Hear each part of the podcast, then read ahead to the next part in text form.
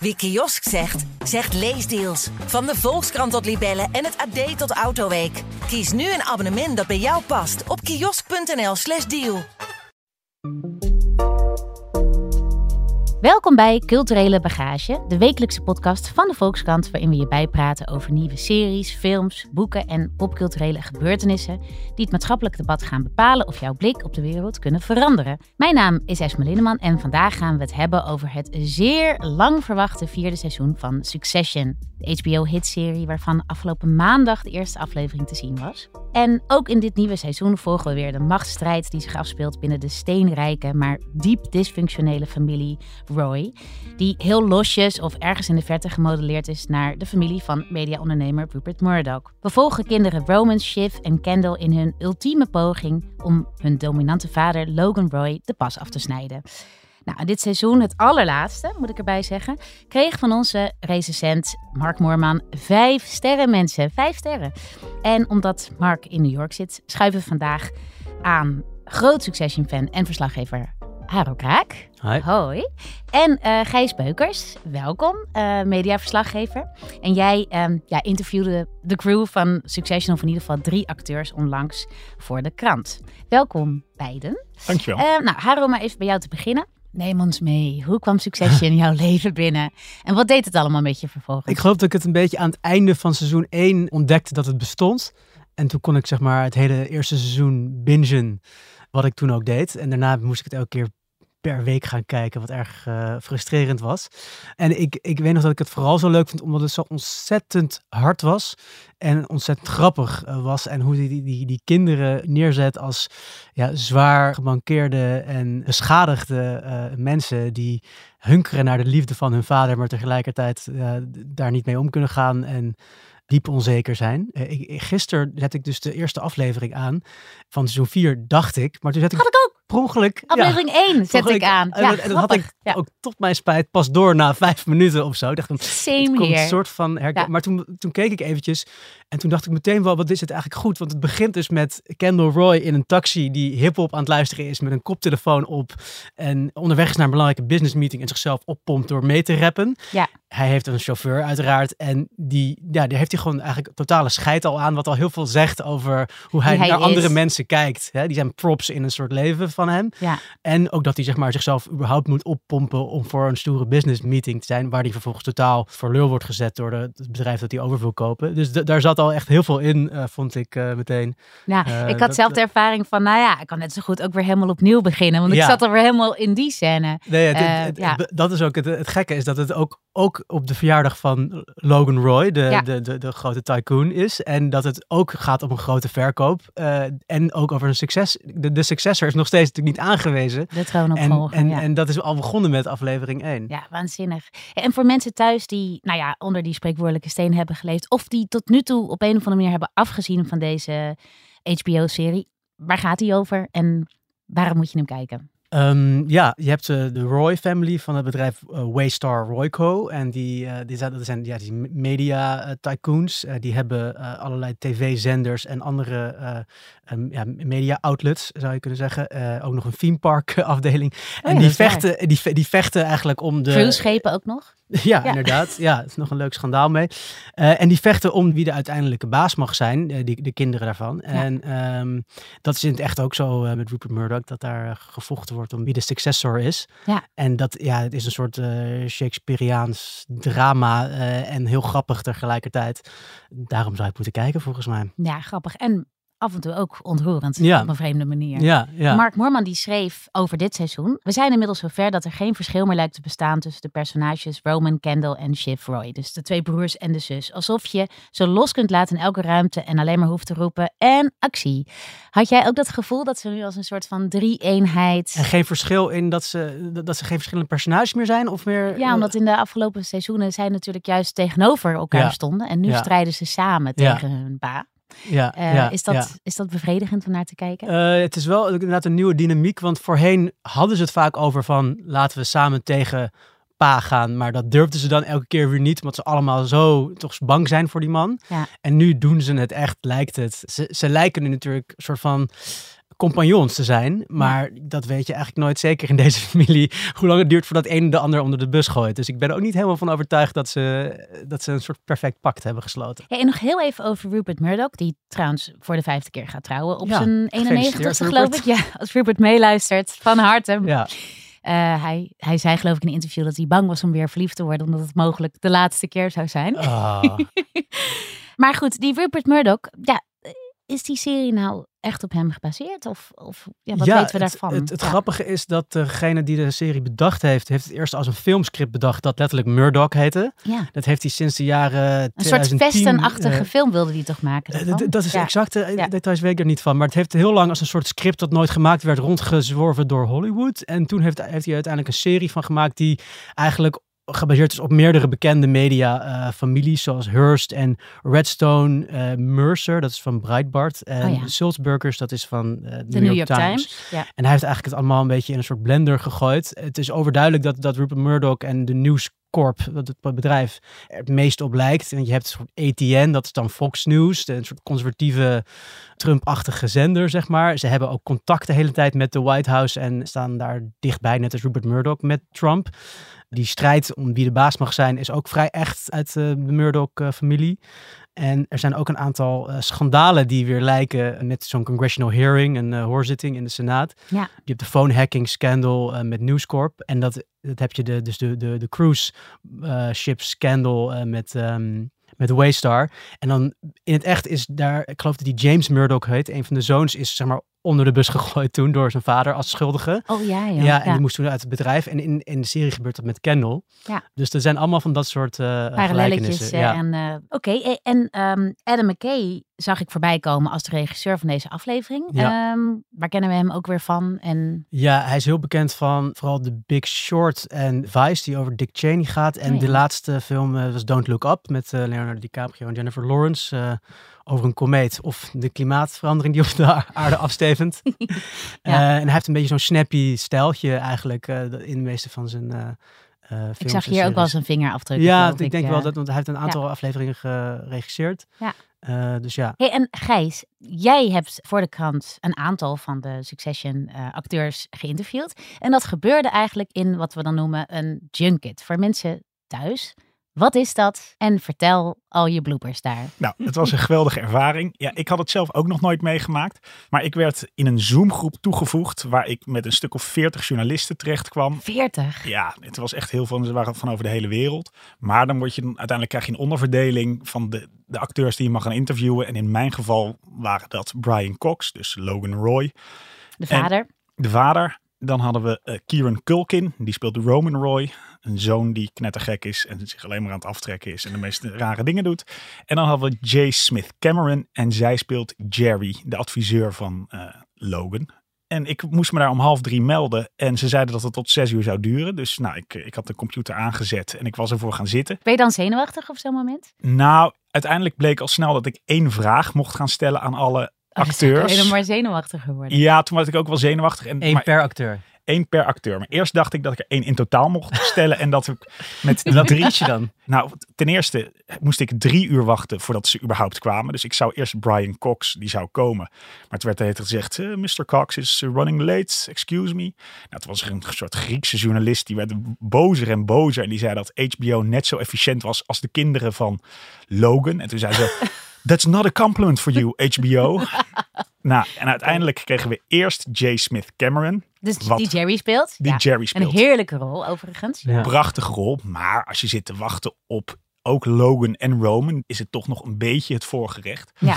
Maar dus, en ik had ergens over haar gelezen dat zij fanart had gekregen over haar seksuele relatie. Of althans, ja, volgens mij een- met Ja. Kieran Culkin, Een dus soort met fling. Roman. Ja. Ze heeft een hele Ja, aparte... of een soort me too. Het is, het is niet Ja. helemaal duidelijk wat het is. Maar in ieder Ze geval... houdt het niet heel geheel af. Nee, nee. Maar goed, hoe, hoe gaat dat maar eens doen Ja, ja, met dat ja, soort machtsverhoudingen? ja, ja. Maar goed, ja.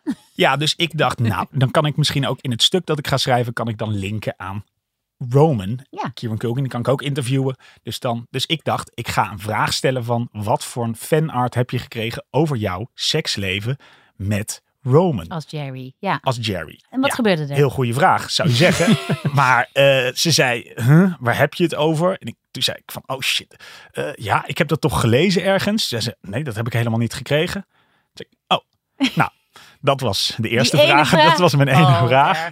Later ging ze wel nog, ze ging wel iets meer in op die relatie die ze met Roman heeft in de serie. En vertelde ze wel dat ze wenskaarten heeft gekregen en allemaal grappige dingetjes. Maar ja, het was toch niet echt, ik had op iets sappigers gehoopt. nou, vervolgens moest ik weer een uur wachten. Ik heb al mijn afspraken heb ik echt verzet, omdat ik zei ja, er gebeurt niks. En toen kwam eh, Brian Cox. Nou, dat was toch ook een, eh, ja, een hele eh, beroemde acteur. Ja. En ik dacht, ik had het van tevoren even met Mark Moorman, de expert, overlegd. En die zei, vraag maar eventjes ja, hoe, in hoeverre het anders is om die rol nu te spelen vergeleken met het eerste seizoen. Het is Ja. nu een enorm succes, de serie. Dus die vraag ging ik stellen. Maar ja, ik stelde die vraag en toen zei hij, no. It's no difference at all. It's just a role. It's just a role. Oh jee. Ja, achteraf dacht ik Dank ook. Brian.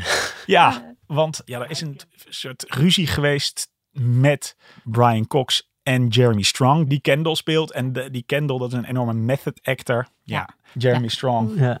En Brian Cox zegt voortdurend van, nou ja, je moet gewoon het script lezen en je rol spelen. Dus achteraf dacht ik ook, het is geen heel goede vraag van me. Omdat het je meteen wreef in die, in die wond, denk jij? Ja, en ik wist ook die wel method dat... acting wond. Want wat is method acting eigenlijk nou precies? Ik stel me altijd voor dat mensen zich helemaal gaan inleven in een rol door te gaan doen wat de hoofdpersonen doen of zo. Of hoe, wat, Ja, wie is- weet er meer over? Nou, volgens mij is het zo dat eh, ja, een soort voorbeeld is dat Leonardo DiCaprio tijdens The Revenant heeft hij dan ges- geslapen in een bisonhuid of zo in, een, in het karkas van een bison. Waarbij Om- hun ze gewoon een bed of niet? Nee, nee, nee, nee, nee nou echt om dat gevoel op te roepen. En Ja. in dit geval was het dus met Jeremy Strong, die wilde bijvoorbeeld voor een scène in een film dat er echt traangas gebruikt zou worden, terwijl daar 200 figuranten op de set stonden, zodat hij zelf meer in die rol zou komen. En Ja. dat deed hij dus ook. Daarbovenop volgens mij ook, hij he never breaks character. Dus ook als, de, als, de, als het eh, filmen afgelopen is, dan blijft hij tegen iedereen praten alsof hij Kendall is. Ah, Ja. Eh, en dat vindt iemand als Brian Cox, die dus even langs gaat in een trailer bijvoorbeeld, bloedirritant. Dat je dan niet gewoon kan praten met Jeremy Strong, maar dan praat je dus met Kendall. Eh, Ja, ja. Hij wil ook vaak niet repeteren, omdat hij, het, hij wil dat het iedere keer voelt alsof hij een beer in het bos tegenkomt. Dus ja, Ja, ja. alles moet voor de eerste keer zijn. Dus hij repeteert nauwelijks. En Ja. nou, Brian Cox zei erover in een interview dat hij het fucking annoying vond. ja. Eh, maar goed, ja, ik wist dus wel dat Brian Cox niet, zich niet heel erg liet meeslepen door alle dingen die zich eromheen afspeelden. Dus hij zei ook gewoon, it's just a role, it's just a role. Hij zei geloof ik ook dat hij er niks bijzonders bij had gevoeld bij de laatste scène, toch? De laatste scène van het seizoen en de laatste scène dus ook als Logan voor de rest van zijn leven. En dan zegt in jouw stuk die Kieran Culkin, die dus Roman speelt. Brian is full of shit, zegt Kieran Culkin, de vertolker van Roman Roy, Logans jongste zoon. Dat is valse bravoure van hem. We hebben elkaar omhelst na afloop van zijn laatste scène en van binnen huilde hij. Alleen komen de emoties er bij hem niet uit als tranen, maar als kleine woedeaanvallen die worden veroorzaakt door zijn diabetes. Eh, hij klinkt er een beetje als Roman zelf eigenlijk, of niet? Ja, klopt. Ja, dat kwam dus ook wel heel erg naar voren eh, toen met, eh, met Brian Cox. Die vertelde dan ook toen het over ging over gelijkenissen tussen hem en Logan Roy. Dat hij zei, I wouldn't want to be Logan Roy for all the tea in fucking China. Toen dacht ik, ik zit hier gewoon naar een aflevering van Succession te kijken. En ook dus wel bij Kieran Culkin, die dus Roman Roy speelt. Die had ook heel erg dat, ja, dat verneukeratieve dat zijn personage heeft. Had hij ook enorm in dat interview Ja. ik ging dus de vraag die ik aan hem ging stellen was: in hoeverre lijk je op Roman Roy? En toen zei hij: Ja, eh, nou, we hebben dezelfde lengte, we hebben dezelfde haarkleur, we hebben hetzelfde gewicht. Ah, En wat, toen- wat werd het jou lastig gemaakt, zeg? ja, dit, is dit je doet was. ook maar je best. dat- ja. Precies, dat was heel erg treurig. Maar daarna ging hij er nog iets verder op in. Dan zei hij: Ja, we hebben wel enigszins, we hebben wel wat gelijkenissen. Maar Is hij ook een pervert? Nou, dat, hij kwam wel over als gewoon een hele rare gast. Hij heeft daar verder niet zoveel... Sarah Snook, die Shiv speelt, zijn zus, die kwam ook... Die riep hij er de hele tijd bij tijdens die opname. Dus die kwam ook door het scherm gelopen. En die ging ook met ons wat dingen, tegen ons wat dingen zeggen. Dus hij was voortdurend aan het ontregelen. En waren ze nou in hun taalgebruik net zo vulgair als dat ze in Succession af en toe zijn? Ik bedoel, kwamen er ook allemaal kakzakkende pakkers voorbij. En, eh, nou ja, dus wel bij Brian Cox, die, die zei dus wel van... eh, Die ging wel over al de tea in fucking China en zo. Maar het was voor de rest was het meer... Vooral bij Kieran Culkin het ontregelende dat me aan zijn personage deed denken dan per se het... Nou, er werd wel veel met vak en eh, dat soort dingen. Maar het was minder eh welbespraakt dan eh, in de serie. Ja, dat ongrijpbare. En voor je het weet sta je 2-0 achter eigenlijk bij hem. Dat gevoel meer. Ja. Ja. dat had ik wel. Nogmaals Mark Moorman, maar die zegt in de recensie over de regisseur: Het is niet eens een hyperbol om Jesse Armstrong de Shakespeare van zijn tijd te noemen. Ik denk dat hij dan ook wat heel erg over taalgebruik heeft. Mhm. Want dat is wel echt heel bijzonder eigenlijk in Succession. Naast dat hele grappige en af en toe extreem vulgaire uitingen. Wat vind jij van de manier hoe er in Succession met taal wordt omgegaan? Eh, ja, ehm, ik ging net eventjes ook meer opzoeken over die Jesse Armstrong. En toen vond ik het erg eh, leuk om erachter te komen dat hij ook de schrijver is van The Thick of It en In the Loop. Ik weet niet of je dat kent. Het zijn twee Britse over politieke, politieke satire is dat. Oh ja. En daar is ook niemand is daar oprecht. Iedereen denkt alleen maar aan PR en hoe dingen overkomen op het publiek. En dat is echt super, eh, super grappig en scherp ook. Dus dat zou je ook zeker een keer moeten kijken. Maar in deze serie vind ik dat ook eh, een van de meest kenmerkende dingen aan alle personages. Dat ze eigenlijk constant of ironisch of cynisch of sarcastisch zijn. Of dingen zeggen die ze niet menen of gewoon ronduit liegen. Ze hebben het altijd over die optics, hè, hoe dingen overkomen. The climate, eh, the climate says this of zo. Eh, De market vast de hele tijd natuurlijk. We have to control the narrative, zeggen ze dan. Eh, het allemaal van die heel erg een beetje PR-achtige... Circle back, skin in the game, dacht ik nog. Ja, ja. Dan- Ik heb daar één voorbeeldje ook van, waarin de broers en zussen samen met elkaar praten, dus over de mogelijke overname van een ander mediabedrijf, mhm. namelijk PGM. PGM. Ja, ja, sorry, ja, namelijk inderdaad. PGM. Ja. If we partner up with our name, with these fucks here, some other pieces of shit, our experience, Shiv, the yummy dummy demi, my profile is the fearless fighter of the good fight, you is the dirty little fucker really pushing the knows filth buttons. I mean, I think, yeah, new Gen Royce. We have a fucking song to sing. Nou ja, a fucking song to sing. En ook de Yummy Dummy Demi. Ja, Eh, er ja, het is- zoveel van dat soort snelle dingen Ja. in. En ook vaak verwijzingen naar allerlei popculturele dingen die je nauwelijks kan volgen. Ja, ja het Eh, gaat eh, echt rete snel, toch? Ja, de hele tijd. ja, Ik zou het script er wel bij willen hebben, omdat het tegelijkertijd... Ik, ik ken niet taal die zo rijk en zo leeg is tegelijkertijd. Mhm. Eh, ja, Het is ook een ramp voor de ondertitelaars volgens mij. Je raakt, ook, je raakt hier wel heel veel kwijt als je naar die ondertiteling kijkt. een Ja. enorme Je muisarm moet het van, in het denk Engels dus als wel van de doen. titelaar. Ja, je moet hem wel in het. Engels, met Engelse ondertiteling En kijken. ook heel grappig aan deze scène is trouwens ook dat ze dus de hele tijd mensen langer laten wachten die, die een grote business eh, eh, deal met hun gaan doen over een nieuw mediabedrijf dat ze willen gaan launchen. En dan The Hundred. De hundreds. hè, Een ander co- combination of onzinbedrijf, the, the, the Economist, de Substack en de New Yorker. Nou, dan, dan lig ik al dubbel. Maar, en dat ze gewoon tegelijkertijd denken, oh nee, we gaan toch het allergrootste mediabedrijf van onze concurrenten overkopen, zeg maar. En dat is, wordt er nu zo'n beetje geïmproviserend, wordt dat bedacht, die, die strategie. Dat, Ja, en dat, de- dat, dat willen ze natuurlijk, omdat ze uiteindelijk maar één leidmotief hebben. En dat is in ieder geval in dit seizoen om hun vader een hak te Ja. zetten. En dat zegt eh, Roman dan ook van, ik vertrouw niet dat jullie intenties goed zijn, want jullie willen allebei eh, gewoon onze vader verneuken. En dan zegt ze, nee, nee, zo. dat willen we helemaal niet. En dan even later blijkt, ja, dat willen ze wel. Hey, en ehm, nou zijn eigenlijk alle personages in Succession, nou ja, geen van alle eigenlijk echt sympathiek. Is dat nou lastig om naar te kijken? Of ga je je toch gaandeweg identificeren met een van hun? En zo ja, met wie? Ja, nee, ik, ik vind dat niet lastig. Ik, ik hou er juist wel heel erg van als ze zo een beetje fel gebekt zijn. En zo iemand als eh, Roman Roy, die de hele tijd zegt wat andere mensen denken, maar niet durven te zeggen, Ja, zeg maar. Eh, en ja, ze zijn allemaal op hun eigen manier vreselijk en onbetrouwbaar en eh, leeg van binnen vaak ook. Maar dat maakt toch ook wel heel lekker om te kijken. Ik vind het niet moeilijk om voor ze te, te rooten, eh, zeg maar. Jij, Gijs? Nee, ik vind het ook heerlijk. Ja, ik vind juist, juist heel veel toevoegen ook. Die, dat, nou, ik vind het soms ook een beetje makkelijk dat schelden, dat helpt op de een of andere manier. Werkt dat altijd wel. Zeker als je dat heel creatief doet. Ja. Maar Ik wilde er vandaag weer mee beginnen, maar ik- bij het koffiezetautomaat werkt het toch niet Nee. hetzelfde als in Succession. Dus ik ben er weer mee gekapt. Ja, Nee, en ik vind dan van alle, eh, dan vind ik denk ik Roman, die is nog wel het meest creatief, maar die heeft ook wel, die heeft wel de beste teksten. Maar dat vind ik ook knap hoe de, hoe de serie telkens een nieuw personage een interessantere rol geeft. Want Roman was in het begin een soort fuck-up die, eh, die, die geen grote rol had. En la- af en toe langzaam... een speeltje kreeg toegeworpen, zeg ja. maar. To shut him up, ja, zeg maar. En, Ja. en langzaam werkte hij zich op als iemand die toch wel een beetje goed begreep hoe de, de dynamiek van de macht binnen de familie werkte. Ja, misschien toch wel de slimste dan Ja, weer toch was. stiekem Ja. de slimste en sowieso de grappigste. Ja. Dus ik denk dat eh, ja, hij daardoor ook mijn favoriet is. Er was ook dat sommige personages dan, die veranderen dan totaal van toon eh, als ze tegen iemand anders praten. Dat is Tom Wams Gams. Ja, dat is dan de... Dat is dus denk ik stiekem mijn Ja, lievelingspersonage. dat heb ik, vind ik ook de wel echt. sukkel die er tegenaan, grootste loser. eh, de grootste loser en tegelijkertijd ook het meest innemend voor mij. En ik weet niet waar dat aan ligt. Want ik denk dat hij ergens iets van een, een oprecht gevoel heeft voor iets. Alhoewel ik nog niet weet wat. Ja, maar ik, Misschien crack? ja, voor crack sowieso. Ja. Zo'n zo hele mooie bromance, die, die, die relatie. Ja. Ja, maar bij hem is het dan weer zo prachtig dat hij zo. Nou, daar misschien dat dat ook wel herkenbaar is. Dat je jezelf ook soms een soort lafaard bent die zich aanpast naar je omstandigheden. Ja. Dat hij dan bij Logan is die echt een soort enorm kruiperig. En dan heeft hij ook in de af- eerste aflevering van het vierde seizoen dat hij iets zegt van.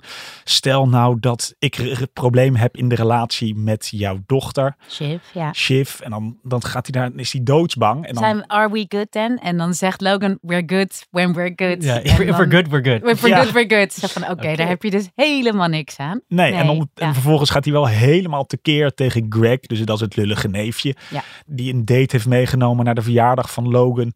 Ja, die alles verkeerd doet. En dan zit hij daar als een soort tiran in te hakken op die vriendin.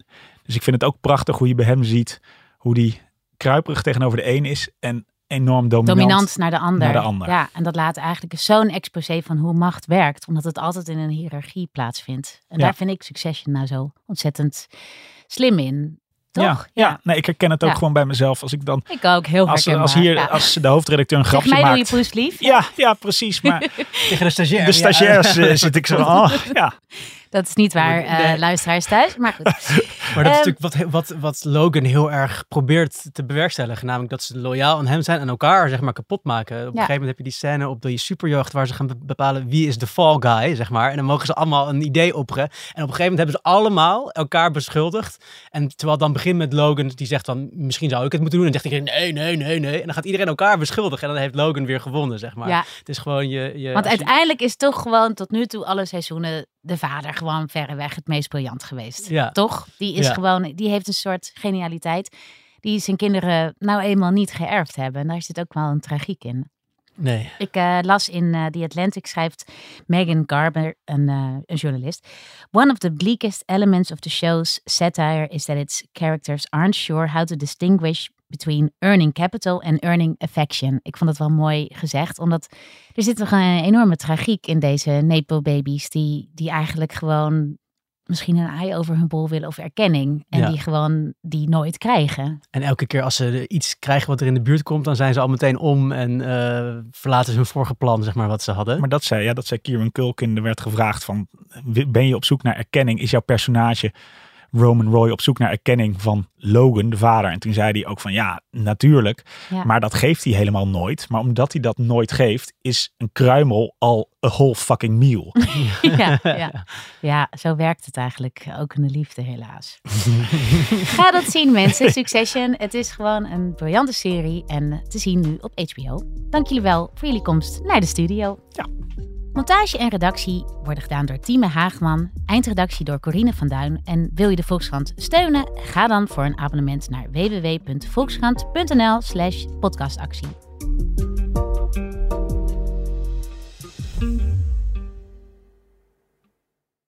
Wie kiosk zegt, zegt leesdeals. Van de Volkskrant tot Libellen en het AD tot Autoweek. Kies nu een abonnement dat bij jou past op kiosk.nl/slash deal.